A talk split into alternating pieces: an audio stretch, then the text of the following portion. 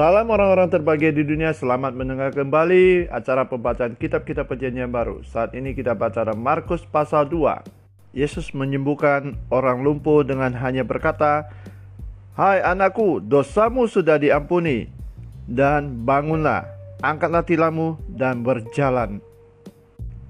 Uh, Yesus dengan sengaja melakukan itu supaya kita semua tahu bahwa di dalam dunia ini anak manusia berkuasa mengampuni dosa. Dan Yesus juga mengatakan bahwa bukan orang sehat yang memerlukan tabib, tetapi orang sakit. Aku datang bukan untuk memanggil orang benar, melainkan orang berdosa. Dari pelajaran hari ini kita dapatkan bahwa sungguh kita harus menyadari bahwa kita orang berdosa, maka kita perlu Yesus sebagai penebus dosa kita dan kita boleh memperoleh hidup yang kekal dan bukan hanya hidup kekal. Kalau kita lihat dalam cerita ini, seorang lumpuh, Yesus hanya katakan, dosamu sudah diampuni, maka dia bangun dan berjalan.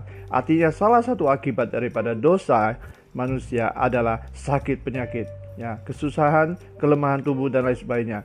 Kalau Anda mau memerlukan mujizat, mau butuhkan mujizat Tuhan, mari datang akui dosamu, minta ampun dan engkau selain diselamatkan dan memberi hidup kekal, dosamu diampuni dan juga sakit penyakit kita juga telah disembuhkan.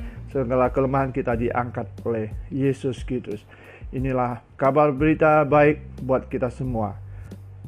Terima kasih, Tuhan Yesus memberkati.